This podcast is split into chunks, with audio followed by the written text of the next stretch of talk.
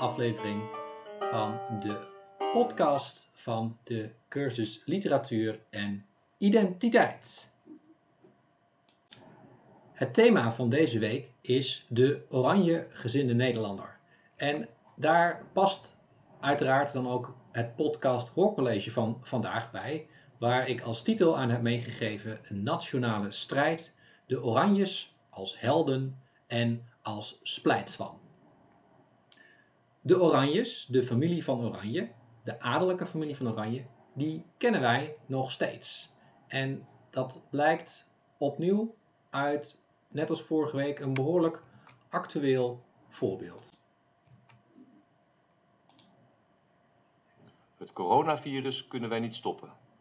Het eenzaamheidsvirus wel. Laten we samen zorgen dat niemand zich in de steek gelaten voelt. Als een bezoekje niet mogelijk is, dan zijn er gelukkig de online communicatiemiddelen, de telefoon of de post.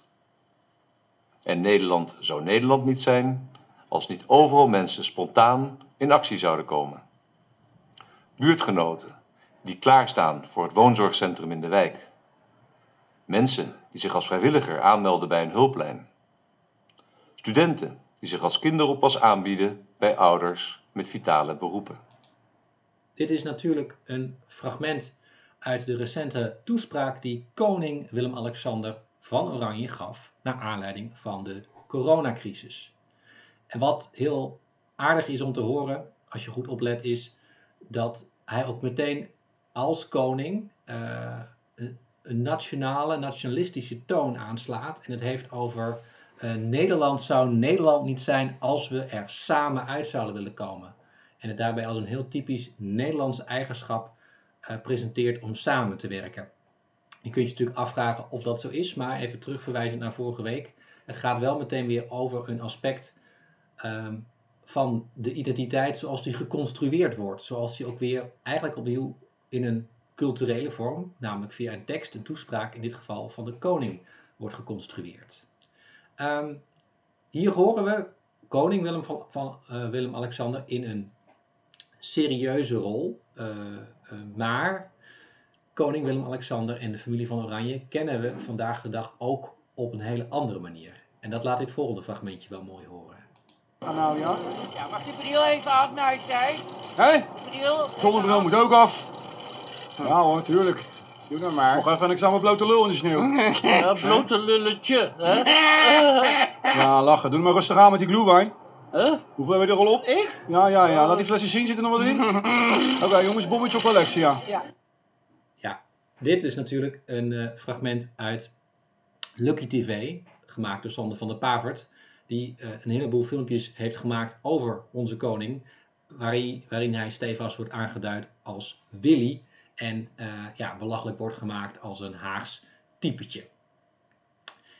Deze twee voorbeelden laten al wel aardig zien, denk ik, dat het Koningshuis, het, Huis van Oranje, in de Nederlandse uh, geschiedenis tot op de dag van vandaag een dubbelzinnige rol speelt. Aan de ene kant uh, een nationaal symbool, uh, mensen tegen wie wordt opgekeken, op wie we een beroep doen in tijden van crisis.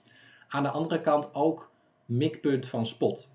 En dan zou je kunnen zeggen dat het bij Lucky TV nog om een redelijk goedmoedige spot gaat, die niet heel erg bijtend is richting het Koningshuis, het meer een beetje, nou ja, een beetje belachelijk maakt. Maar als we gaan kijken naar de 16e en 17e eeuw, dan zien we dat daarin de Oranjes soms ook wel op een veel fellere manier zijn aangevallen. Dat die uh, positie van die Oranjes eigenlijk veel minder stabiel was dan vandaag de dag. En vandaar dus die titel uh, Nationale Strijd, de Oranjes als helden en als splijtswan. Nou, kunnen jullie even doorklikken naar slide 4? Dan zien jullie hoe deze podcast eruit gaat zien. En het komt er eigenlijk op neer dat ik twee lijnen in deze podcast wil uitzetten. De ene lijn heb ik net geïntroduceerd. Dat is eigenlijk de dubbele positie van de Oranjes, de familie van Oranje, de geschiedenis van de Republiek. Uh, als enerzijds helden en anderzijds schurken.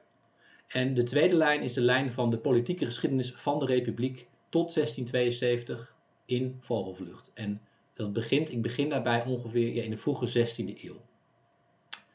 En die twee lijnen hebben heel veel met elkaar te maken, omdat die oranjes heel erg belangrijk zijn geweest voor de geschiedenis van de republiek.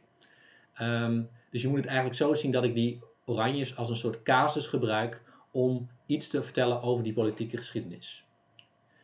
Ik geef daarbij ook meteen een disclaimer. Ik ga in dit hoorcollege, in deze podcast, veel historische feiten aanhalen. Het is eigenlijk een heel erg geschiedkundig college, meer dan een letterkundig college.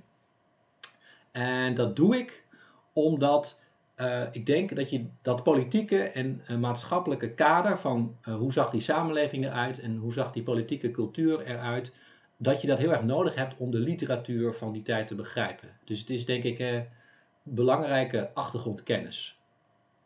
Het kan natuurlijk dat je die kennis al hebt, omdat je geschiedenis hebt gehad op de middelbare school en daarbij dit al heel erg uitgebreid hebt behandeld. Nou, dan kun je um, dit college um, misschien met iets minder aandacht luisteren. Maar misschien is het allemaal alweer weggezakt of zeg je ik weet dat eigenlijk helemaal niet en dan zou ik vooral heel erg goed opletten.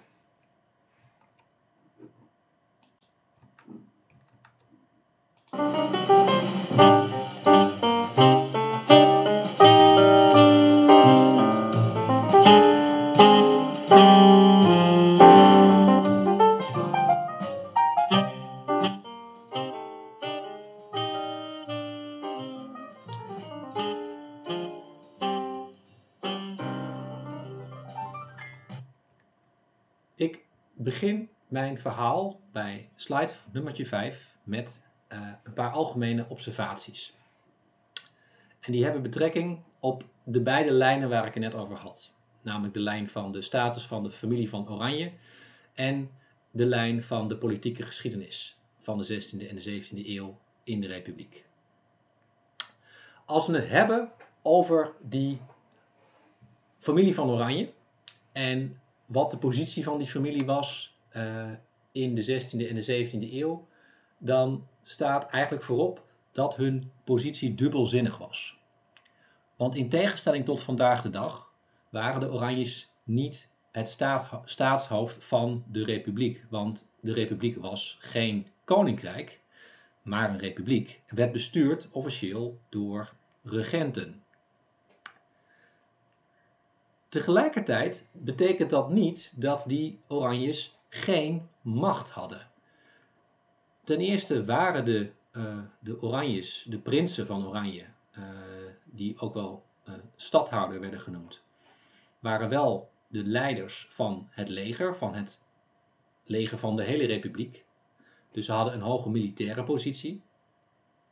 En mede daardoor, en ook wel door um, nou ja, de geschiedenis, waar we zo dadelijk nog wat preciezer op in zullen gaan, hadden ze wel degelijk veel politieke macht. Hadden ze veel nauwe relaties met bestuurders, ehm, met andere bestuurders zou je ook kunnen zeggen. Uh, en konden ze ook echt wel invloed uitoefenen op dingen. Konden ze bijvoorbeeld ook wel soms bepalen of bepaalde oorlogen wel of niet werden aangegaan. Um, hadden ze in de loop, hebben ze in de loop van de, van de geschiedenis ook zichzelf steeds meer rechten toebedeeld. Rechten om bepaalde bestuurlijke posities te vergeven, bijvoorbeeld.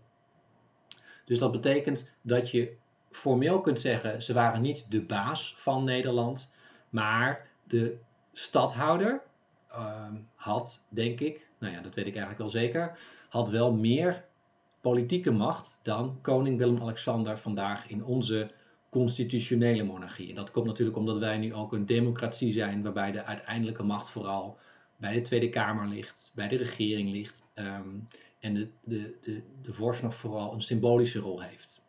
En de Oranjes in de 16e en de 17e eeuw waren geen vorsten, maar ze hadden wel duidelijke politieke macht.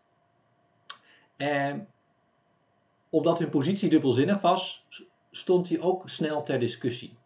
Um, en er waren in die tijd ook veel tegenstanders van de Oranjes. En daar gaan we straks nog wel een paar voorbeelden van zien.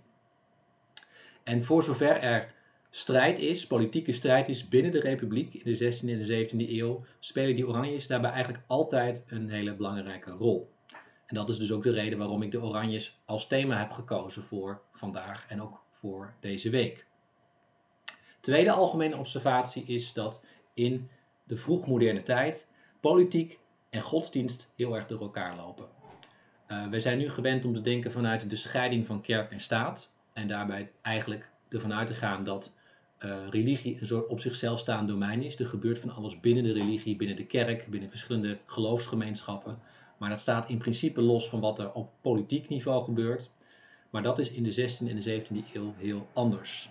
En daarbij zie je dat hoge, nou ja, mensen met een hoge functie in uh, de kerk, bisschoppen, priesters, dominees, dat die vaak ook politieke macht hebben. En dat bijvoorbeeld in een stad als Amsterdam er echt een strijd woedt vaak uh, tussen de stadsbestuurders aan de ene kant en de kerkbestuurders, uh, de dominees aan de andere kant, ook over wat er wel en niet mag in de stad. En dat betekent dus dat ik het heb over politieke geschiedenis de hele tijd, maar dat religie daarbij wel een hele grote rol speelt. Omdat ik denk dat je ook religie en alles wat met religieuze strijd te maken heeft, en er was natuurlijk nogal wat religieuze strijd in de 16e en de 17e eeuw, dat dat eigenlijk ook altijd politiek is. Uh, en direct over politiek en ook echt wel over landspolitiek gaat. Dan mogen jullie nu doorklikken naar het slide nummer 6. En daar kun je zien dat ik in dit college ook een chronologische uh, lijn ga aanhouden. Uh, ik ga die politieke geschiedenis, die dus ook een religieuze geschiedenis is, met jullie doornemen. De Oranjes zullen daarbij veel terugkomen. Overigens, um, om jullie gerust te stellen, ook de letterkunde zal niet volledig buiten beeld blijven. Omdat ik op een aantal momenten wel literaire voorbeelden ga gebruiken om bepaalde politieke uh, situaties te laten zien. En we volgen daarbij dus een chronologische lijn. We beginnen bij de aanloop naar de opstand. Dan gaan we uh, naar de eerste decennia van de opstand. Dan komen we terecht bij de zogenaamde bestandstwisten van 1618, 1619. En tenslotte zal ik kort nog iets zeggen over zowel het eerste stadhouderloze tijdperk als het rampjaar 1672. Op slide nummer 7 zien jullie wat eigenlijk de uitgangssituatie was van het gebied van het huidige Nederland en ook van België en Luxemburg op het moment dat, um, dat daar een strijd ontstaat, de opstand, zoals we die uh, zijn gaan noemen, de Nederlandse opstand, ook wel 80-jarige oorlog. De situatie was dat dat gebied bestond in die tijd uit de Habsburgse Nederlanden. En dat waren 17 gewesten, die werden bestuurd door lokale machthebbers. En dat waren vaak uh, graven. Je had bijvoorbeeld de graven van Holland. Uh, soms waren het ook, uh, in sommige gevallen was, was, er sprake van een bisdom en dan was er sprake van kerkelijke macht. Maar in elk geval, dat waren behoorlijk zelfstandige gebiedjes, gewesten. Maar die vielen wel allemaal onder één hoogste baas, eindbaas zouden we misschien nu zeggen. en dat was vanaf 1515 Karel V en vanaf 1555 was dat zijn zoon Philips II. En dat waren uh, Habsburgse vorsten, vandaar de Habsburgse Nederlanden. Maar die zaten, die Habsburgers, op dat moment in Spanje. Uh, zowel Karel als Philips, en vooral Philips, die, die is bijna nooit heeft hij, uh, zijn hof in Spanje verlaten. dus die zat nogal op afstand. De lokale leiders hadden veel autonomie. Um, en dat was eigenlijk heel erg het middeleeuwse model van, van, van besturen. Een, een, een vorst of keizer op afstand en lokale uh, edellieden die veel zelf mochten beslissen. En af en toe overleg plegen met de vorst uh, op een centrale plek. En voor de Nederlanden was dat Brussel op, op, op dat moment in de, in de 16e eeuw. Um, en dat heet toen ook al de Staten-Generaal. Dat was eigenlijk het overlegplatform voor de lokale leiders en de vorst. Um, later ging die Staten-Generaal ook iets anders betekenen. Maar zo, zo, zo, zo was het toen. Dan, als je naar slide nummer 8 gaat, dan zien we dat Philips II, die in 1555 dus aan de macht komt, dat hij zichzelf voor een paar problemen gesteld ziet. En dat zijn, zou je kunnen zeggen, het ene probleem is een probleem dat hij zelf gecreëerd heeft en het andere probleem is een extern probleem dat hij zelf erger gemaakt heeft.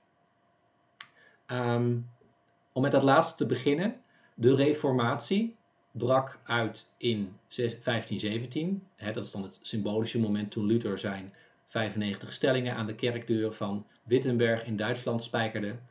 Ehm, en vervolgens er op allerlei plekken in Europa uh, strijd over het geloof uitbrak. Uh, de katholieke kerk ter discussie werd gesteld. Um, en het protestantisme als alternatieve christelijke stroming opkwam. En er ook snel al meerdere van dat soort stromingen opkwamen. En we hebben daar al een aantal voorbeelden van zien langskomen in de primaire tekst van vorige week van Kornhert. Want daarin ging het ook over een aantal van die protestantse uh, ja, sectes, werden het soms zelfs ook wel genoemd, en soms meer stromingen, die toen opkwamen. Uh, dat was een extern probleem, omdat Philips II dat zelf niet veroorzaakt had. Dat was er gewoon. Maar het was wel een probleem uh, waar hij iets meer moest, zou je kunnen zeggen. Waar eigenlijk alle vorsten in Europa iets meer moesten op dat moment. Omdat ze um, een keuze moesten maken of ze hun, uh, ja, hoe ze de religie in hun land wilden aanpakken. En daarbij had je eigenlijk, um, zou je kunnen zeggen, twee opties. Namelijk, je kon zeggen: Ik wil dat al mijn onderdanen hetzelfde geloof hebben. Of je kon zeggen: Nee, ik, ik wil mijn onderdanen de vrijheid gunnen om te geloven wat ze willen. Philips II koos heel sterk voor het eerste. Um, de gedachte daarachter is vaak uh, in die tijd, want hij was zeker niet de enige die dat, die dat zo zag, dat het gevaarlijk was als je meerdere geloven in, uh, onder je onderdanen had, omdat dat zou leiden tot voortdurende onrust, voortdurende strijd. En dat wil je natuurlijk niet. Je wil stabiliteit in je land. En zeker binnen, uh, ja, binnen je land, tussen de mensen die in je land wonen, wil je stabiliteit. Dus dat was op zich een logische reden. Maar Philips II was daar ook heel strikt in. En die vond dus dat iedereen op zijn grondgebied moest katholiek zijn. Niemand mocht protestant zijn. Uh, protestantisme moest uitgebannen worden.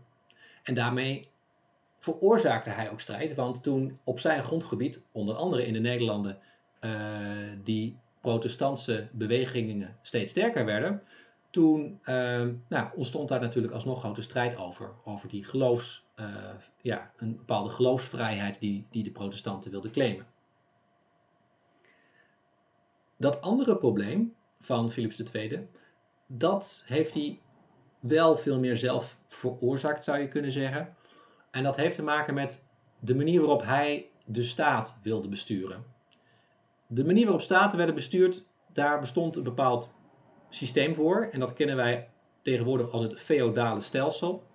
Uh, dat, ja, dat, dat, dat was een product van, ja, dat kwam uit de middeleeuwen, dat was al een behoorlijke tijd. En dat was eigenlijk een, een heel uh, ja, je zou kunnen zeggen een heel getrapt stelsel, waarbij eigenlijk een macht heel erg verdeeld was tussen een centrale vorst of keizer en lokale machthebbers die ook veel autonomie hadden uh, in wat ze deden. Philips II wil uh, een veel meer centralistische politiek gaan voeren. En dat is op dat moment een moderne vorm van politiek. En dat is een, uh, een vorm van politiek waarbij er dus veel meer macht komt te liggen bij de, uh, de opperste machthebber.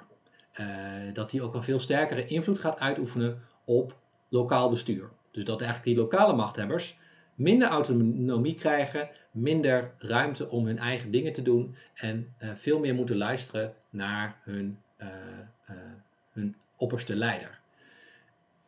En daarmee creëert ehm, Philips II ook veel frictie, omdat die lokale machthebbers heel erg bang zijn voor het verlies van hun privileges die ze hadden. Dus als het gaat om uh, de 80-jarige oorlog, uh, de strijd voor de, de vrijheid, dan zie je dat, um, uh, dat, dat dat dus enerzijds gaat om een strijd om het geloof, de vrijheid om een bepaald geloof te mogen uitoefenen, en anderzijds om een vrijheid die eigenlijk vooral geldt voor de lokale machthebbers, de vrijheid om hun eigen politiek te voeren. Waar het dus niets mee te maken heeft, is met democratie in de moderne betekenis van het woord. Er was geen sprake van dat men in de 16e eeuw het gewone volk macht wilde geven, inspraak wilde geven als officiële politieke leer. Ik maak nu even een zijsprongetje naar de literatuur. Want als we het nou hebben over deze uh, problemen, dan zie je dat dat laatste probleem met die lokale machthebbers dat zien we niet heel sterk terug in de literatuur, zou je kunnen zeggen. Dat is echt heel erg een politieke kwestie. Uh, een onderlinge strijd tussen, tussen de machtigen, tussen de mensen die al macht hebben, die al veel aanzien hebben. Die reformatie die zien we wel heel duidelijk terug in de literatuur. Want de Reformatie is een, een hele brede maatschappelijke beweging uh, waar uh, grote delen van de bevolking, uh, zo niet iedereen, mee te maken krijgt. Um, en waarbij er niet alleen ehm, strijd wordt gevoerd door middel van wapens, door middel van echt oorlog en geweld, maar waarbij er ook heel duidelijk strijd wordt gevoerd met de pen. Um, de boekdrukkunst is uitgevonden, is al een tijdje geïnstitutionaliseerd, ook op het moment dat die reformatie uitbreekt. De boekdrukkunst heeft misschien zelfs wel bijgedragen aan het ver, verbreiden van die reformatie en het succes ervan, hoewel daar ook wel alweer wat uh, tegenbewijs voor is geleverd door wetenschappers inmiddels, of althans dat gezegd wordt, je kunt dat niet volledig daaraan ophangen. Want nou ja, de, de boekdrukkunst heeft bijvoorbeeld ook heel erg bijgedragen juist wel aan de macht van de katholieke kerk. Bijvoorbeeld omdat een van de vroegste dingen, maar dit is echt even een zijspoor, ehm, waarvoor de boekdrukkunst gebruikt werd, was het drukken van aflaten. Van die briefjes waarmee je je zonde kon afkopen. Wat juist een van de dingen was waar de katholieke kerk later om werd aangevallen door Luther. Als je nou naar slide 9 gaat, dan zien jullie een gedicht van de beroemde uh, 16e eeuwse dichteres Anna Bijns. En Anna Bijns stond heel erg aan de kant van de katholieken. En zij werd ook heel erg ingezet door uh, anderen, mannen, uh, om haar pen ten dienste te stellen van die strijd tegen het protestantisme. En zij heeft een aantal teksten uh, geschreven die dat doen, en dit is een voorbeeld daarvan. Um, en een, um, het heet Nog schijnt Merten van Rossum de beste van twee. Het gaat over uh, twee Maartens, twee mannen die allebei Maarten heten. Namelijk Maarten Luther, hè, de bekende uh, voorvechter van de Reformatie. En Maarten van Rossum, en dat is niet die brompot die jullie kennen van de slimste mens. Maar dat is een, een, het was een bendeleider, een, een, een, criminele figuur. En wat Anne Bijns eigenlijk in dit gedicht betoogt, uh, ik zal het niet helemaal gaan voordragen, maar je kunt het zelf lezen, is dat van deze twee Maartens, die, die bendeleider, die dus heel veel eh, criminele dingen heeft uitgehaald, toch nog de beste is van die twee. Dat je beter hem kunt hebben dan Luther. Want ja, Luther die heeft er ook maar voor gezorgd dat er allemaal mensen uit het klooster zijn gejaagd. dat er ook allerlei geweld nu plaatsvindt, namelijk tegen katholieken. Um, dus uh, je kunt toch maar beter die criminele Maarten van Rossum hebben in plaats van Maarten Luther. Um, die dichtvormen die, uh, die Anna Bijns gebruikte, dat zijn het algemeen refreinen, zo wordt het genoemd. En dat is een dichtvorm die heel erg hoort bij de rederijkers. Die ook nog op dat moment een hele belangrijke rol spelen in het literaire leven in de lage landen. Anna Bijns was zelf geen lid van de Rederijkerskamer, want ze was een vrouw en vrouwen mochten geen lid worden. Maar zij was wel heel erg sterk verbonden met de rederijkers, want er waren dus veel mannelijke rederijkers die haar heel goed vonden als dichteres en die haar dus ook inzetten voor, nou ja, om, om ook refreinen te schrijven. En als je nou even doorklikt naar slide 10, dan zie je daar een, een plaatje van een, uh, nou ja, een tafereel van rederijkers. Want die rederijkers die schreven niet alleen maar teksten, maar die kwamen ook af en toe bij elkaar om toneelstuk voor elkaar op te voeren en ook dingen voor te dragen. Uh, en waarom ik dit uh, plaatje even heb ingevoegd, is om ook erop te wijzen dat die rederijkerskamers ook echt een actieve rol hebben gespeeld in dat publieke debat over het geloof. En dat er veel rederijkerskamers waren die daarin partij kozen. Die dus uh, voor, katholieken, voor het katholieke standpunt of voor het protestantse standpunt kozen. Dus dan zien we echt dat literatuur een rol gaat spelen in het publieke debat. En dat, um, dat is wel interessant omdat um, uh, heel vaak, heel lang is ook eigenlijk van uitgegaan dat er in die tijd nog helemaal niet zo zeer sprake was van een publiek debat. Dat dat eigenlijk pas kwam met de opkomst van kranten en tijdschriften in de 18e eeuw. En dat zou dan ook vooral in Engeland geweest zijn. Maar uh, recent onderzoek heeft juist laten zien dat er eigenlijk ook al wel een behoorlijk uh, actief publiek debat en politiek debat werd gevoerd, juist via die rederijkerskamers die ook regelmatig elkaar troffen, wedstrijden hielden en dan met elkaar ja, gedichten uitwisselden. En nou ja, die gedichten hadden ook heel vaak wel een politieke lading, dus dat was eigenlijk heel erg vergelijkbaar uh, qua structuur, zou je kunnen zeggen, qua, met, met, met het latere publieke debat in in de kranten en de tijdschriften en tegenwoordig natuurlijk ook, ook heel erg online via online nieuwsmedia, via Twitter en dat soort kanalen.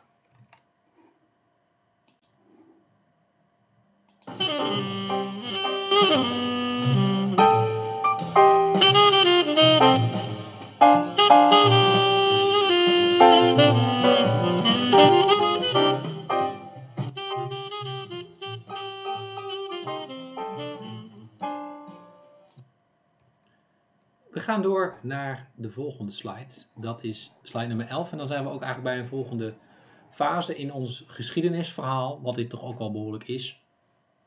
Ehm, de eerste decennia van de opstand. want we hebben dus de situatie, de uitgangssituatie, zou je kunnen zeggen, van de lage landen. Er is reformatie, er is uh, gerommeld tussen lokale adel en uh, de centrale vorst, Philips II, die, die het zichzelf niet makkelijk maakt, zou je kunnen zeggen. Ehm, en eigenlijk zou je kunnen zeggen, ontstaat van daaruit een strijd, een oorlog, die wij nu kennen als de Nederlandse opstand of de 80-jarige oorlog. Maar dat zijn natuurlijk allemaal termen die, allebei termen die achteraf pas op die periode geplakt zijn. De eerste decennia van de opstand zijn eigenlijk de meest uh, enerverende. Uh, dan gebeurt er het meeste, is er het meeste, uh, ja, um, zijn eigenlijk de grootste, worden de grootste sprongen gemaakt. Um, en daarom is dat eigenlijk ook wel goed als een aparte fase af te, af te bakenen. Ik heb hier een aantal gebeurtenissen uh, op een rij gezet, belangrijke gebeurtenissen. Ik ga die niet allemaal bespreken. Dan zou het namelijk wel een heel uh, historisch geschiedkundig verhaal worden. En nou ja, over, eigenlijk over al die gebeurtenissen is nogal wat uh, informatie online te vinden. Dus als je denkt van ik, ik wil daar toch nog meer over weten, dan kun je dat zelf nazoeken. maar de meeste van jullie zullen een, een term als beeldenstorm kennen ook wel eens van de hertog van Alfa hebben gehoord. Misschien zelfs wel van de onthoofding van de graven Egmond en Hoorne. Um, hoe dat ook zij, er is uiteindelijk sprake van een, uh, een opstand van protestanten uh, tegen de katholieke vorst Philips II. En die opstandelingen die, nou ja, die spitsten hun strijd heel erg toe op religie. Maar dat, die kant van die lokale bestuurders speelt daarbij toch ook wel een rol. Want ja, Willem van Oranje was een van die lokale bestuurders. Uh, en uh, ja, dat die zich zo opwerpen als, ja, dat hij zich opwerpt als leider, maar ook andere edelen zich daarbij aansluiten. Dat komt ook wel omdat daar ook al wel behoorlijk wat onvrede groeide. En die onvrede die, die neemt steeds meer toe. En zeker ook als, nou ja, als de, de, de vorst Philips II en dan vooral ook via zijn zetbaas, de hertog van Alfa, uh, die hij benoemt op een zeker moment als landvoogd. Uh, om eigenlijk in zijn plaats dan weer te regeren over die opstandige lokale edellieden. Als die zich steeds vrede en onderdrukkender gaat opstellen. Um, en aanvankelijk is er dus een klein clubje edellieden die dat, dat daarbij de leiding neemt. Maar zodra uh, een paar van daar, daarvan al een kopje kleiner zijn gemaakt, uh, is Willem van Oranje eigenlijk de enige, nou ja, een beetje serieuze figuur van aanzien die nog overblijft. En die wordt dan de leider van de opstand. Die opstandelingen noemen zichzelf geuzen. En uh, zoals waarschijnlijk ook velen van jullie wel weten, is dat dan weer een, een naam uh, waar ook het tegenwoordige woord geuzennaam vandaan komt, namelijk een, eigenlijk een beledigende naam. Het, het komt van het Franse gueux, wat uh, bedelaars betekent. Um, en zo werden de, uh, de opstandelingen aangeduid bij de, vorige, de voorganger van Alfa, Margaretha van Parma, toen ze daar hun, nou ja, hun bezwaren kwamen uit tegen een aantal zaken. Van het, toen zei een van de, de dienaars van, van, van Margaretha van het zijn maar, het zijn maar bedelaars. Ehm, en dat, die term hebben ze vervolgens overgenomen, hè, hun geuzennaam. Um, maar dat is dus eigenlijk de, de link tussen Geuze, Willem van Oranje, de opstand. Um, dan zie je dat er, um, eigenlijk gaat het aanvankelijk niet zo goed met die strijd. Mm, Willem van Oranje trekt zich op een gegeven moment begin jaren 70 terug in Duitsland op zijn, op zijn de grond, het land dat hij daar ook heeft, Dillenburg.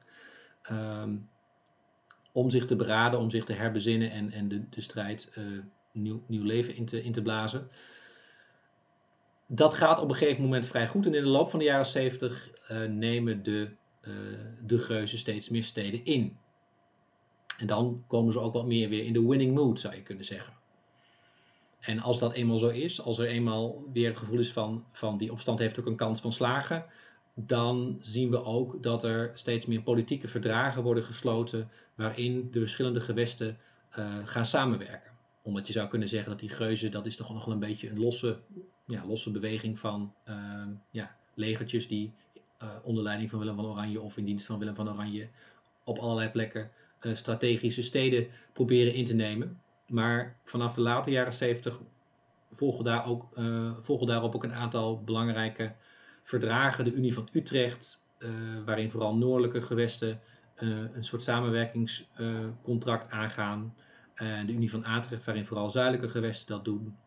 En dan vervolgens twee jaar later in 1581 het zogenaamde plakkaat van verlatingen, waarin ook weer een aantal gewesten met elkaar uitspreken dat ze, dat ze van Philips II af willen, officieel.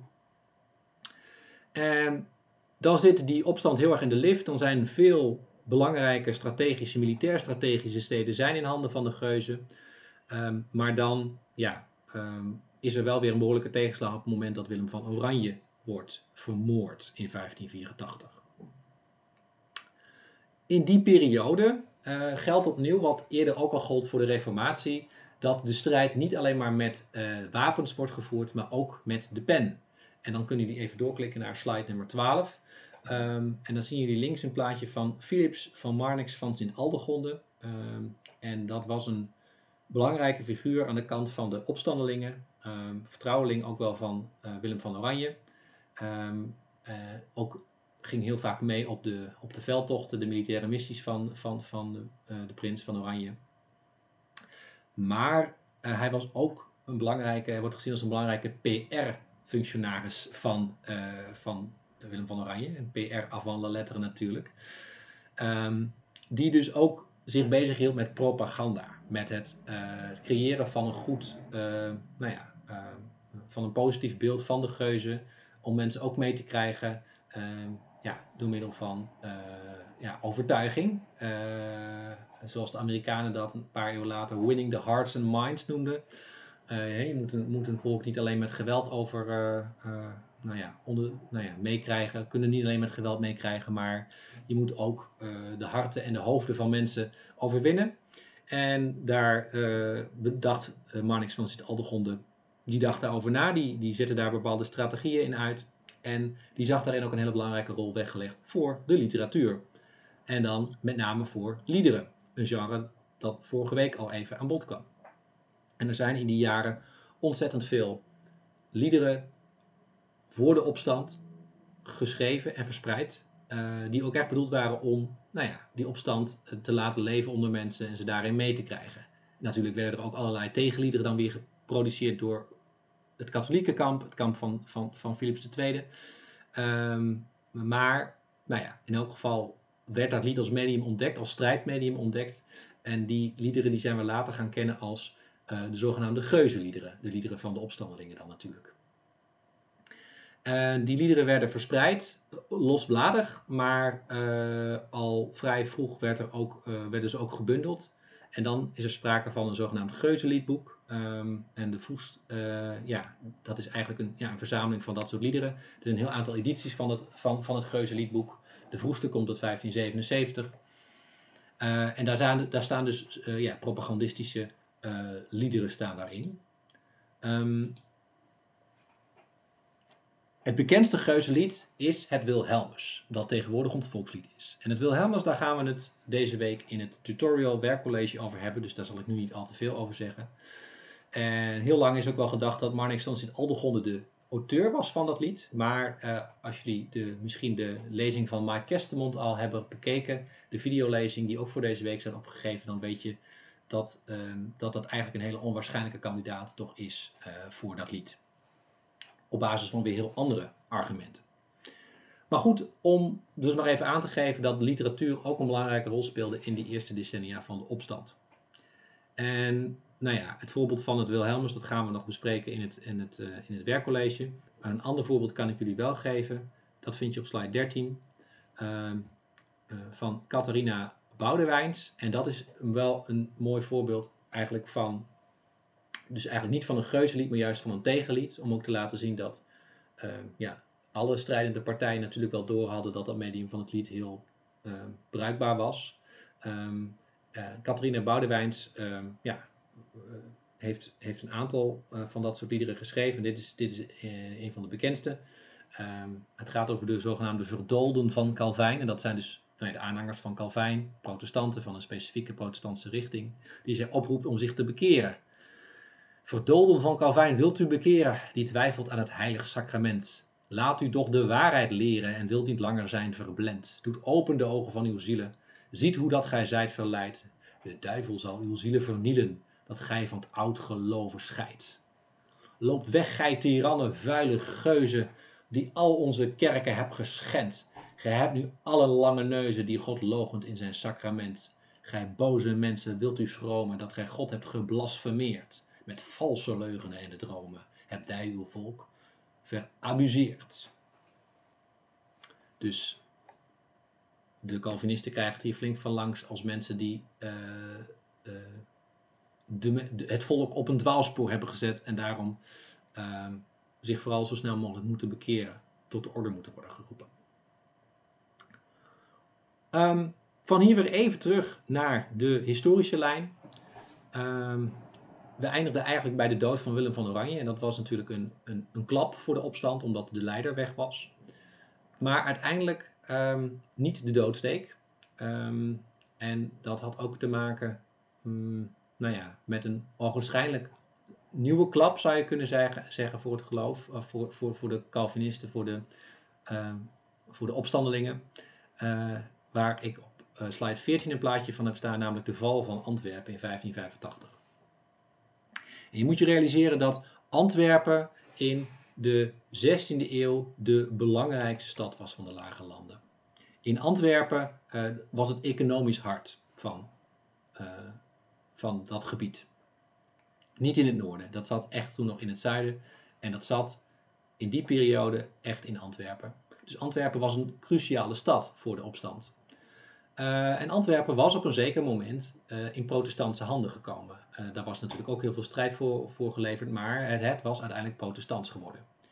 Ondertussen probeerde de, Philips II en zijn troepen probeerden ook nog steeds al die ja, probeerden macht terug te veroveren. Um, en nou ja, als we het hebben over macht, oorlogsvoering in die tijd, dat ging natuurlijk allemaal om land, om land innemen en dan vooral om het innemen van strategische plekken op dat land. En dan werden dus voortdurend uh, slagen gevoerd nou ja, om een bepaalde grens op te schuiven of om een bepaalde stad in te nemen. Um, waarbij dus ook vooral de steden die wat meer um, ja, aan, de, aan de rand van een uh, grondgebied lagen, uh, in, snel in de vuurlinie lagen. En dan zie je dat de, de stad Antwerpen ligt relatief wat zuidelijk ten opzichte van het hele grondgebied. En is dus ook een plek waar de Spaanse troepen snel uh, terechtkomen op het moment dat ze proberen om weer land terug te veroveren. En uiteindelijk wordt er in 1585 dan opnieuw weer een behoorlijke strijd geleverd om Antwerpen. En die wordt uiteindelijk door de Spaanse troepen gewonnen.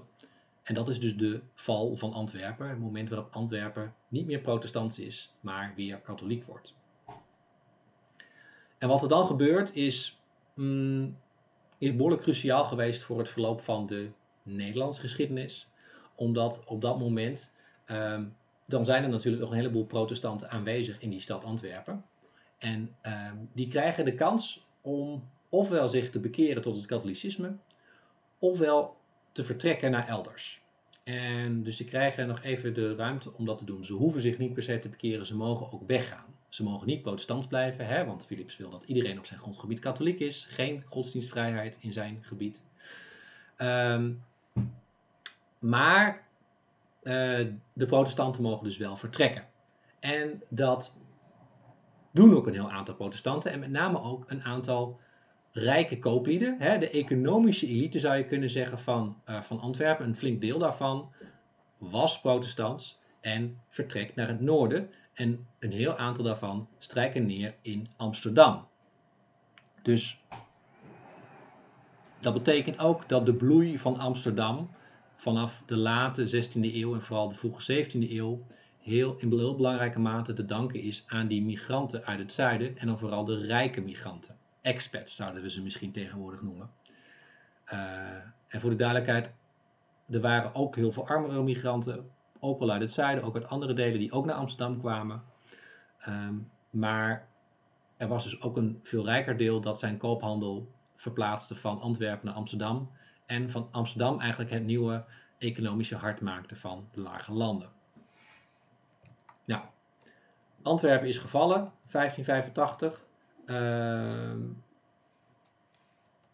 vervolgens ontstaat er eigenlijk ook uh, al vrij snel een tweedeling tussen noordelijke en zuidelijke Nederlanden. De noordelijke Nederlanden die blijven protestants, uh, hoewel ook daar eigenlijk de grenzen nog wel steeds worden uh, betwist en uitgedaagd door Spaanse troepen. Um, en het zuiden wordt katholiek. En dan krijgen we eigenlijk een scheuring tussen Noord en Zuid, waar tot op de dag van vandaag, zou je kunnen zeggen, sprake van is. Want ja, we hebben nog steeds een apart land, België en Nederland. Uh, Antwerpen ligt nu in België. Uh, ja, en Nederland uh, is een zelfstandig land gebleven. En dat is het eigenlijk ook al geworden, dus op het moment dat, dat die troepen zijn teruggedrongen tot die, nou ja, tot de zuidelijke en oostelijke grenzen. Uh, dus hoewel de republiek dan officieel nog niet erkend is als staat, want dat gebeurt eigenlijk pas bij de vrede van Münster in 1648, is, uh, is er vanaf dat moment, en dan zitten we dus nou ja, rond 1585, is er de facto al wel sprake van een zelfstandige staat, een republiek van zeven Verenigde Nederlanden. Uh, waarbinnen met name de gewesten Holland en Zeeland uh, de meest economisch krachtige en ook politiek machtige zijn. Um, en daar is dus eigenlijk ook dat hele concept van een gouden eeuw, uh, wat dan vervolgens op die 17e eeuw geplakt gaat worden, dat is heel erg gebaseerd op, op dat succes van Holland en Zeeland. En het economische succes van Holland en Zeeland. Uh, en het is dus heel goed om je te realiseren, en dat is, daar wordt tegenwoordig ook wel steeds meer aandacht aan besteed, dat als we het hebben over het hele huidige Nederland, inclusief bijvoorbeeld ook een provincies als Gelderland en uh, dat het daar eigenlijk helemaal niet zo'n gouden eeuw voor was in de 17e eeuw, omdat die nog steeds tot, nou ja, tot die vrede van Münster in 1648 heel lang nog te maken hadden met oorlog, uh, met geweld. Uh, dat er in die grensstreken nog heel veel veldslagen zijn geleverd in die, eh, in die 17e eeuw. Alleen, daar merkten ze in het Westen niet zoveel van, in Holland en in Zeeland. En zo kon daar eigenlijk al heel snel een soort heroïsch discours ontstaan. Um, ook al, nou ja, en daarin herken je al heel erg de, de latere uh, nou ja, uh, manier waarop over Nederland wordt gesproken. Een bepaalde vorm zou je kunnen zeggen van nationalisme, hoewel er dan dus eigenlijk nog geen sprake is van een natie, maar in elk geval wel van, ja, van patriotisme, van vaderlandslievende gevoelens, uh, die dan nog vooral worden geprojecteerd op dus de gewesten Holland en Zeeland. En daar vind je in slide 15 wel een mooi voorbeeld van. Dat is een, zijn een paar coupletjes uit een lied van Adriaan Valerius uit 1626 die dan schrijft: Waar dat men zich al keert of wendt, en waar men loopt of staat, waar dat men reist of rotst of rent, en waar men heen en gaat, daar vindt men zij ook op wat ree, de Hollander en de Zeeuw. Zij lopen door de woeste zee, als door het bos de leeuw. De Nederlandse leeuw zien we hier al als metafoor. Um, dapperheid, moed, um, en in het volgende couplet: In koud en hete landen al gelegen, zuiden of noord of oost of west, op berg en dal, men van haar spreken hoort. Zij krijgen menig schip en boot uit het Indiaanse Rijk. Uit het Indiaanse Rijk, daar zijn geen volk ook al groot, in velen haars gelijk. Dus hier gaat het eigenlijk ook al een beetje om hoe die uh, nieuwe, nog niet officieel erkende republiek, en daarbinnen ook vooral uh, de gewesten Zeeland en Holland, zich ook al heel snel gaan richten op nou ja, expansie over zee. Uh, met, met boten uh, de zee opgaan uh, met schepen en daarmee ook nou ja, op lange afstand handel gaan drijven, plekken gaan veroveren. ja, al meteen ook een beetje imperiali imperialistische trekjes gaan vertonen.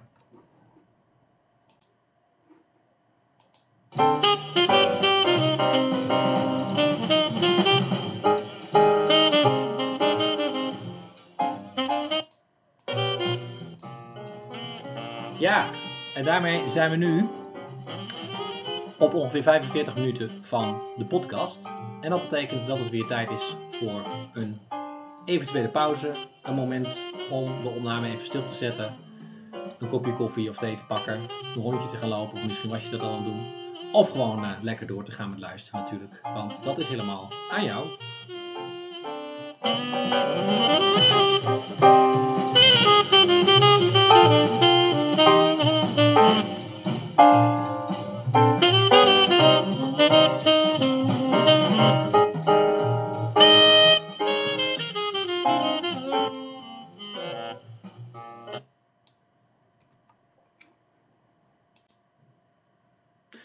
Is het nu weer tijd om verder te gaan met het college.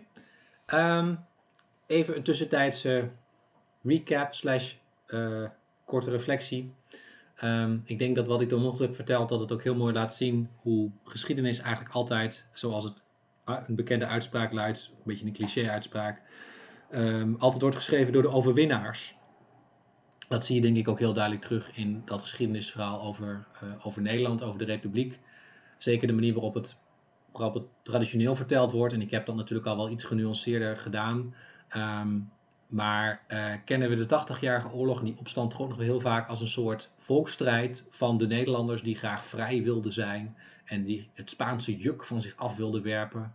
Um, maar wat je eigenlijk ziet is dat het natuurlijk veel complexer ligt en dat, je gewoon, uh, dat er sprake is van, van, van, van verschillende strijdende groepen en partijen in, in, die, in die 16e eeuw. Uh, waarvan uh, nou ja, het ook maar zo had gekund dat een andere partij aan het langste eind had getrokken.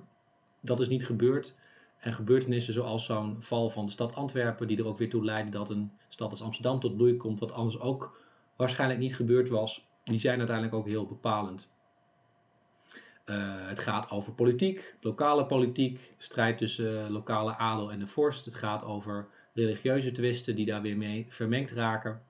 Um, en uit die warboel ontstaan er bepaalde uh, ja, consequenties, beslissingen, uh, die vervolgens ook weer doorwerken op de lange termijn en soms dus zelfs tot op de dag van vandaag. Uh, want het feit dat wij nog steeds een, een, een koning, een vorst hebben die afkomstig is uit het Huis van Oranje, heeft dan wel weer direct te maken met het feit dat Willem van Oranje de leider van de opstand was. Um, en zo zijn we ook weer bij die Oranjes aanbeland, die de afgelopen minuten even wat meer buiten beeld waren. Uh, de laatste keer dat we ervan hoorden, dan ging het over de, de moord op Willem van Oranje. Willem van Oranje was eigenlijk iemand die, uh, nou, die toch wel veel gezag en respect genoot, ondanks het feit dat zijn uh, levenswandel ook niet geheel onbesproken was. Ehm, daar is ook al, al, al nodig over bekend. bovendien wordt er ook wel gezegd dat hij misschien ook wel om wat meer opportunistische motieven uh, die strijd is aangegaan. Helemaal niet omdat hij nou zo voor een vrij Nederland was. Dat hij ook wel heel erg met zijn eigen belangen bezig was. Um, dat, dat is allemaal ongetwijfeld waar. Maar dat neemt ook niet weg dat hij al wel ook in zijn eigen tijd um, een, een, een, veel respect genoot. Dat hij ook eigenlijk symbool stond voor die strijd. Um, wat we bijvoorbeeld ook mooi terugzien in zo'n tekst als het Wilhelmus. Waar we het zo nog over gaan hebben. Uh, dus als we het hebben over de Oranjes in de eerste fase van de opstand, dan gaat het eigenlijk wel heel duidelijk om een positieve rol. Willem van Oranje als leider van de opstand, die daardoor ook een reputatie van vader des vaderlands uh, verwerft, die hij nog uh, eeuwenlang blijft behouden. Met, na de dood van Willem van Oranje wordt zijn zoon, Maurits, wordt de nieuwe leider van de opstand, wordt de nieuwe legerleider. En dat is een heel wat meer omstreden figuur. En dat zien we ook heel goed terug in uh, uh, een paar decennia later. En dan kunnen jullie inmiddels voorzichtig doorklikken naar slide nummer 16. Want dan zitten we in de jaren 16, 18, 16, 19. Een situatie waarin dus eigenlijk die republiek, hoewel die nog niet officieel is erkend, al wel uh, de facto bestaat. Waarin er nog strijd wordt geleverd langs de grenzen, langs de oostgrens en langs de zuidgrens van, van het grondgebied van het huidige Nederland. Dus in Brabant, in Gelderland, in Overijssel, Groningen soms ook nog. Uh, daar, wordt, daar wordt echt nog gevochten.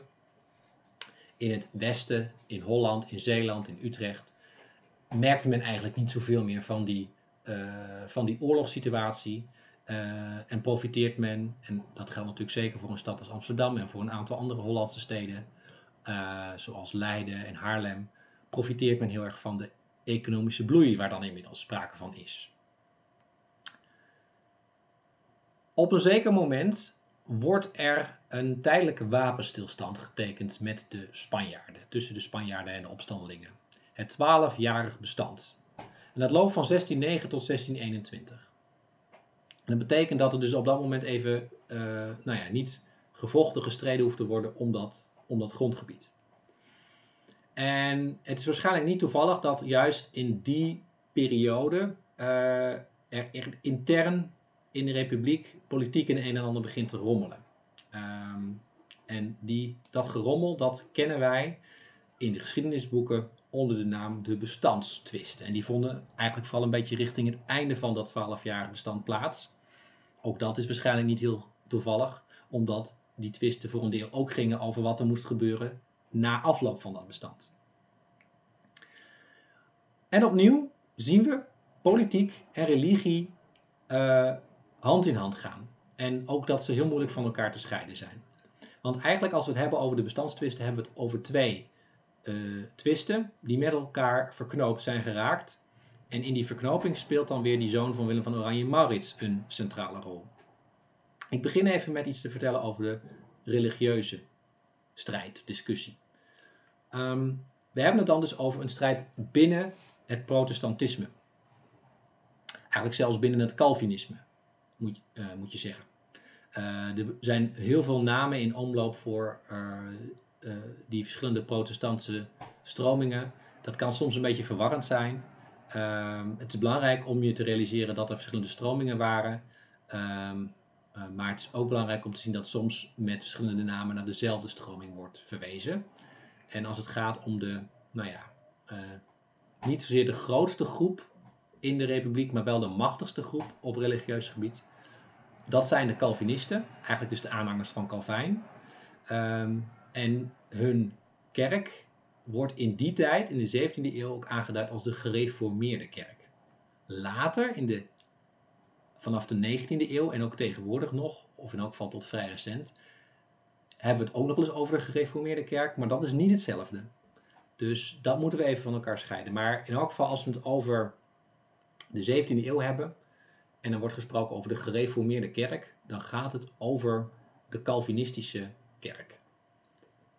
Die kerk, waar dus lang niet iedereen in de republiek uh, uh, lid van is. Er is bijvoorbeeld ook nog een hele grote katholieke minderheid in de republiek. Want, dat heb ik nog niet eens verteld, maar ik ging, had het eerder over die keuze tussen uh, iedereen in het land moet hetzelfde geloven of je hebt geloofsvrijheid. De republiek koos voor geloofsvrijheid. In principe mocht je ieder geloof uitoefenen. In de praktijk bij de katholieken werd heel veel argwaan bekeken en konden eigenlijk vooral katholieken hun geloof alleen maar stiekem uitvoeren uh, in, in schuilkerken. Um, de machtigste geloofsgemeenschap, de gereformeerde kerk, uh, besluit in 1618 om een vergadering te houden. En dat is een kerkelijke vergadering en dat soort kerkelijke vergaderingen worden ook wel aangeduid als synodes. En dat is een nogal langdurige vergadering, want die duurt van 13 november 1618 tot 29 mei 1619. Um, en dat is, die wordt, vindt plaats in Dordrecht. En dat is dus de synode van Dordrecht. En die is heel beroemd geworden omdat eigenlijk op die synode een strijd is uh, uitgevochten tussen twee richtingen binnen het Calvinisme. Waarbij een van de twee aan het langste eind trok en de andere vervolgens ook meteen uit de kerk gegooid is. Die twee richtingen, dat zijn, uh, nou ja, die kennen we als de remonstranten, het remonstrantisme versus de contra-remonstranten. Uh, er is ook wel weer een specifieke reden waarom dat zo heet, waarom het remonstrant en contra-remonstrants is. Kun je terugvinden heel makkelijk online, ga ik nu niet verder uitleggen omwille van de tijd. Um, ik noem wel hier op de slide ook nog twee namen. Dat zijn eigenlijk dominees die, die verschillende bewegingen binnen die uh, strijd aanvoerden. Arminius stond, ja, was eigenlijk de voorvechter van de, de, de voorman van de remonstranten. Gomarus de voorman van de uh, contra-remonstranten. Wat eigenlijk het belangrijkste is om te weten, is dat die remonstranten stonden voor een meer vrije interpretatie van het geloof. Um, en de contra-remonstranten voor een meer precieze, meer orthodoxe interpretatie van het geloof. Op die synode van Dordrecht gaan die twee groepen met elkaar de discussie aan en uiteindelijk trekken de contra-remonstranten aan het langste eind.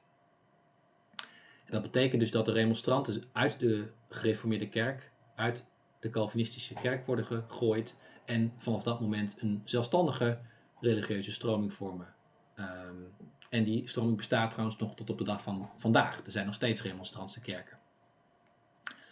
En de contra-remonstranten, dat wordt dus de mainstream Calvinistische kerk, dus op dat moment nog iets strenger wordt dan die misschien al was.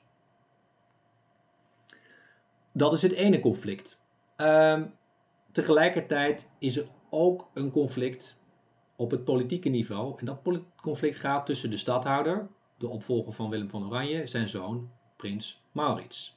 Die staat tegenover de zogenaamde raadspensionaris, um, eigenlijk een, de hoogste ambtenaar zou je kunnen zeggen was van het gewest Holland, ehm, Johan van Oldenbarneveld.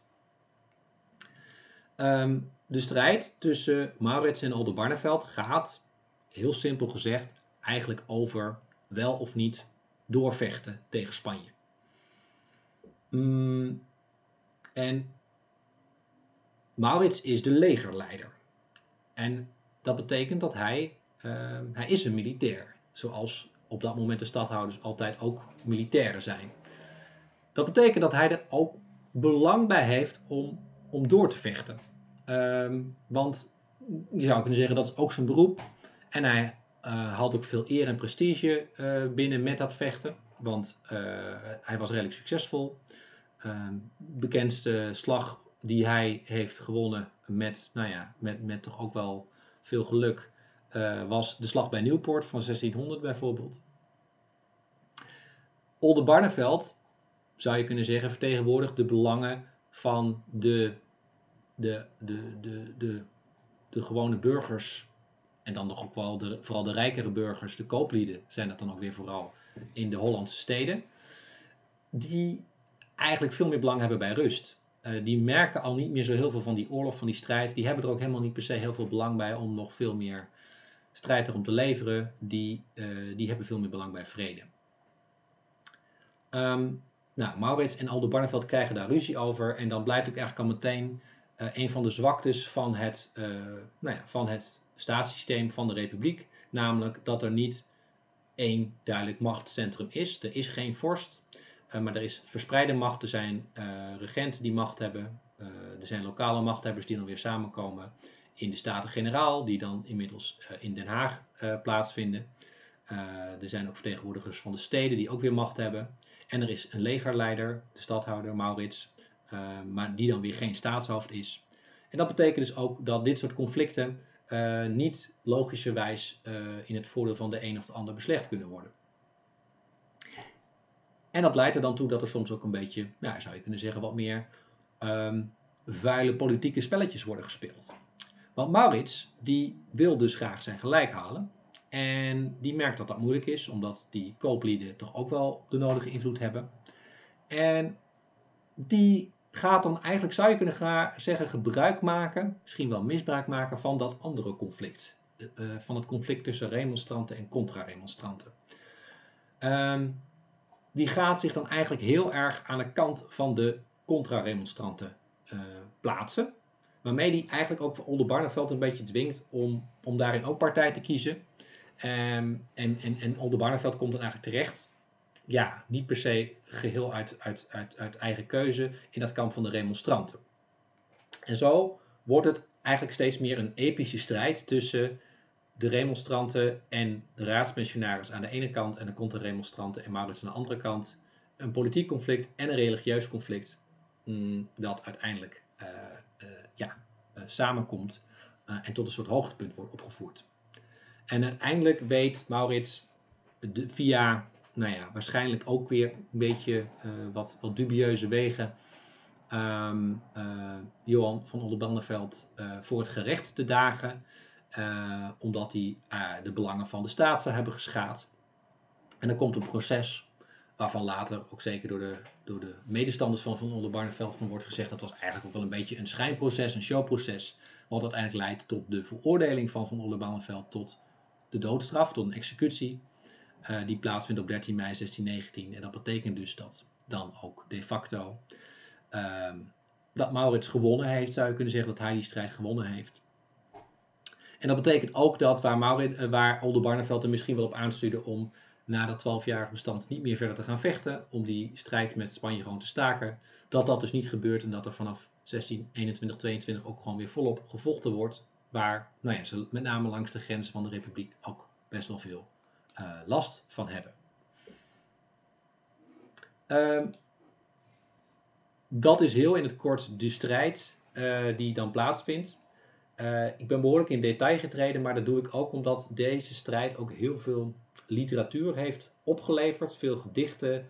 ehm, ehm, ehm, en ook later nog, het is heel erg een eikpunt geworden. En wat je hier eigenlijk ziet gebeuren is dat een oranje, Maurits,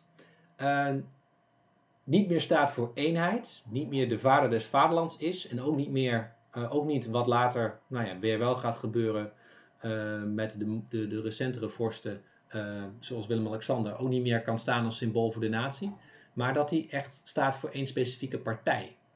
Ehm, en dat is iets wat in de rest van de 17e eeuw ook zo blijft. Dus je krijgt oranje gezinden, en dat zijn dus aanhangers van de stadhouder en van ook vaak van meer macht voor de stadhouder in het beslissen over politieke zaken. Versus de aanhangers van het idee dat de macht vooral bij de Staten-Generaal moet, moet liggen. En dat zijn dan de zogenaamde staatsgezinden. En voor de staatsgezinden wordt Oldenbarneveld een martelaar. Een martelaar die is gestorven voor, nou ja, voor een goede zaak. ehm, eh, onder de handen en, ja, van, van, van de, de vrede Maurits. Die eigenlijk dat bloed aan zijn handen heeft van die executie. Zo wordt dat wel echt gezien. Ehm, en dat is dus een heel andere omgang met het Huis van Oranje dan vandaag de dag. En ook anders dan in die eerste jaren van de opstand.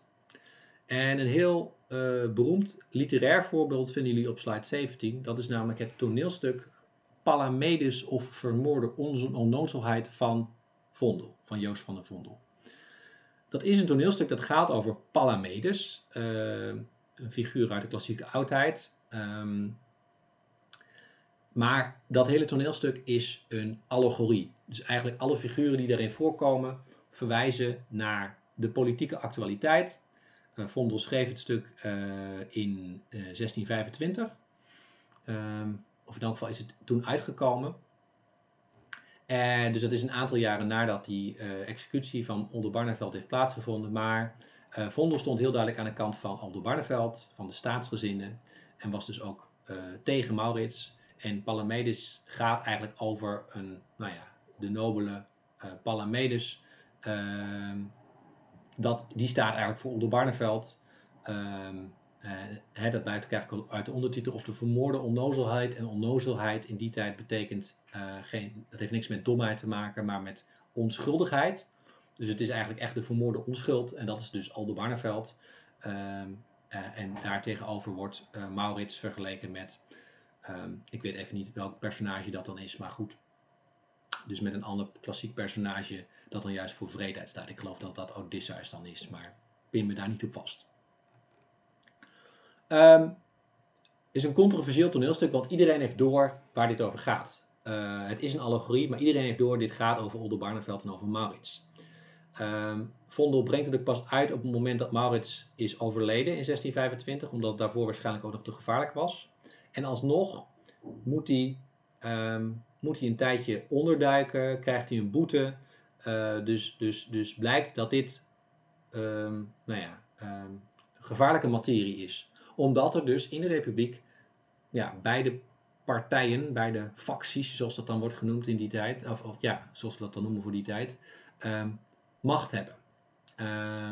Dat er veel oranje gezinden rondlopen maar daarnaast ook een heel aantal staatsgezinden die, ja, die, die, die, die ruzie met elkaar eh, eh, krijgen en, en, en, en heel duidelijk met elkaar van mening verschillen. En Vondel zet dan dus eigenlijk een toneelstuk in om,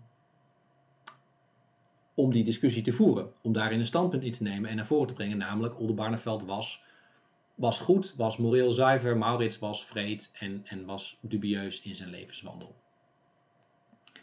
Eh, het is een toneelstuk, maar heel goed om te, te weten is dat het eh, in die tijd nooit is opgevoerd.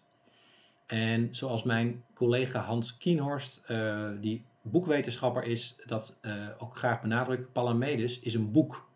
Het kwam uit als boek, het werd verspreid als boek um, en het, ja, um, het heeft dus ook als boek zijn propagandistische waarde voor die strijd en niet als opgevoerd toneelstuk. Um, dat is heel goed om je dat te realiseren. En helaas, maar dit is ook weer even een side note, Um, zat er, zat in dit college, in deze cursus, een bezoek aan de afdeling bijzondere collecties van de UB. Uh, verzorgd door Hans Kienors, waarbij hij jullie dan een aantal drukken van de Palamedes ging laten zien.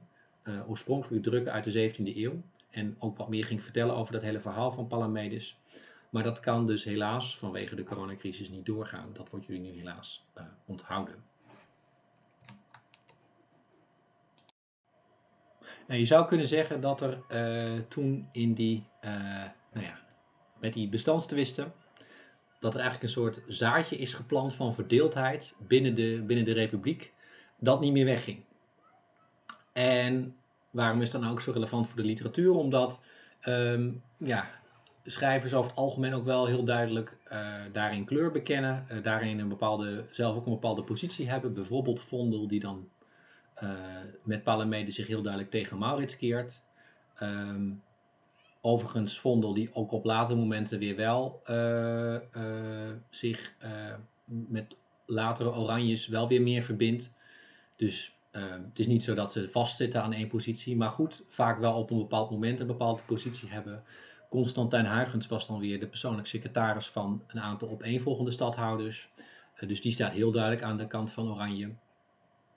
Um, dus is het belangrijk eigenlijk om kennis te hebben van die strijd um, en ook hoe die zich verder voltrekt. En dan mogen jullie naar de volgende slide, slide 18.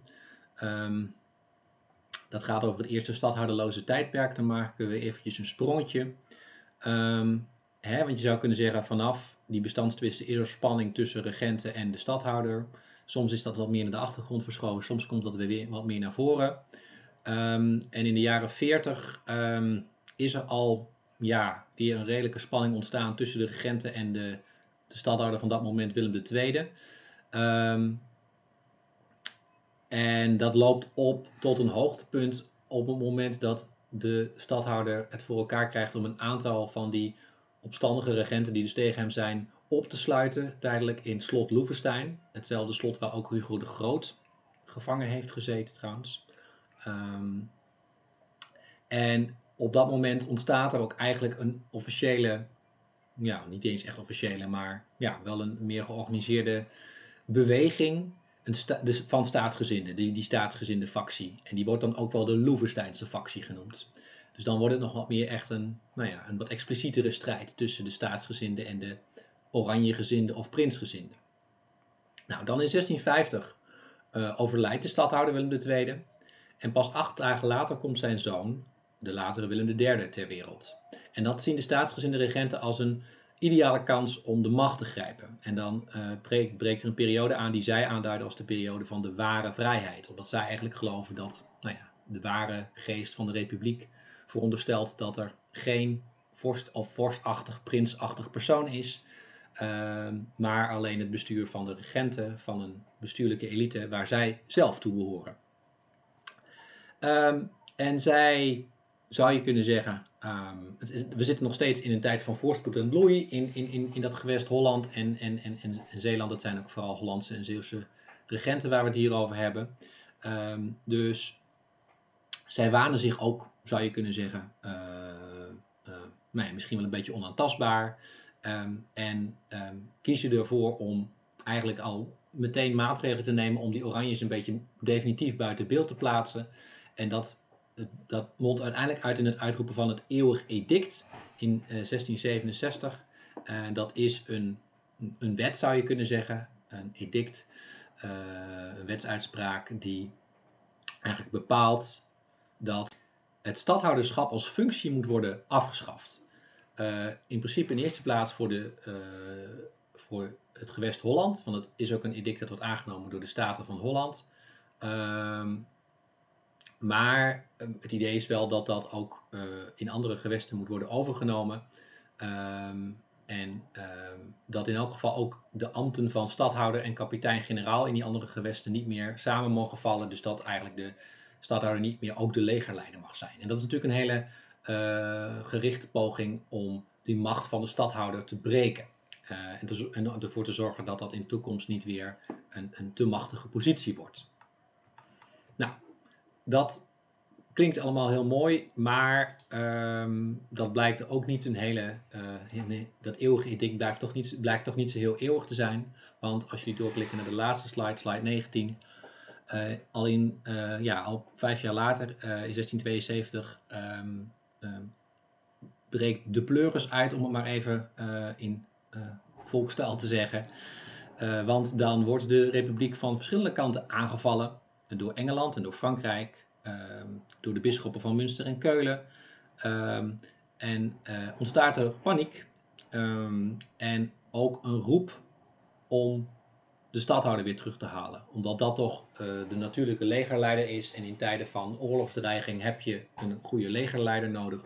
Dus wordt stadhouder Willem III uh, eh, ingeroepen om het land te redden. En krijgt daar uiteindelijk ook weer die oude functie van stadhouder terug.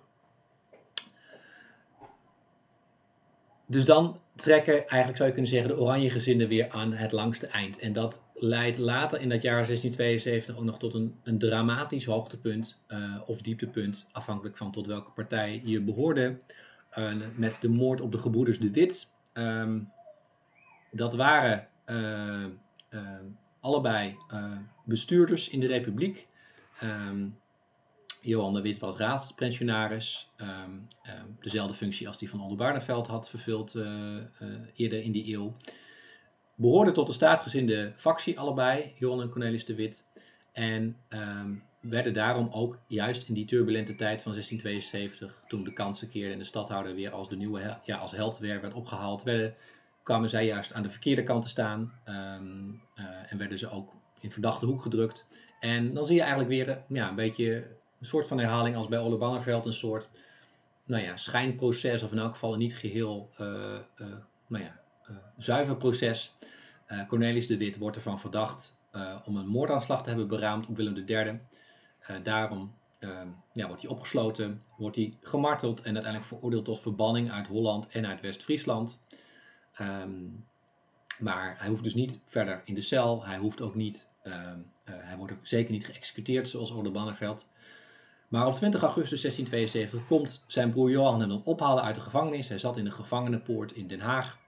En dan verzamelt zich daar een woedende menigte en die, um, die lyncht de beide broers. Um, en dat is er allemaal nogal gruwelijk aan toegegaan met um, uh, allerlei uh, uh, organen die worden losgesneden en, en, en, en, en over straat verspreid liggen. En dat is ja, een zeer bloedige episode uit de Nederlandse geschiedenis.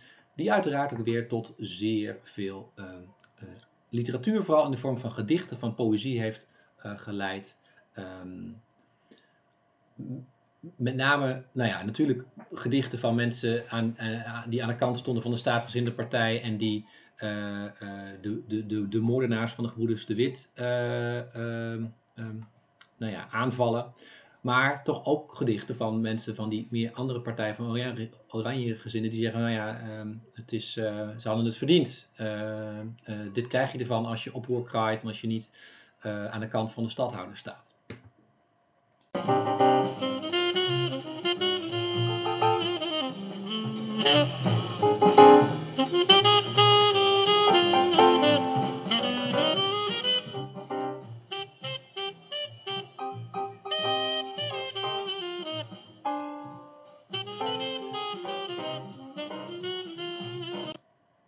Zo, dat was hem weer voor vandaag. Ik ben blij dat het me gelukt is om vandaag iets korter van stof te zijn dan vorige week. Uh, uren en kwartier heb ik het ongeveer in, in, gehaald. Ik zie jullie allen natuurlijk graag weer op donderdag uh, in de Virtual Classroom. Denk er weer opnieuw aan om op woensdag je weekopdracht in te leveren. Als eerder aangekondigd gaat het deze week, uh, is de primaire tekst is het Wilhelmus. Um, en we hebben als secundair materiaal geen tekst, maar een video lezing van Mike Kestermond over het Wilhelmers en daar hoort een opdracht bij. En ik wijs er graag nog even op dat eh, ik graag van jullie allemaal op donderdag ook wil horen wat je top 3 is van auteurs voor uh, de essayopdracht. Dus eh, vergeet niet om daar nog even over na te denken. Ehm, ja, en dan, dan graag tot, tot donderdag.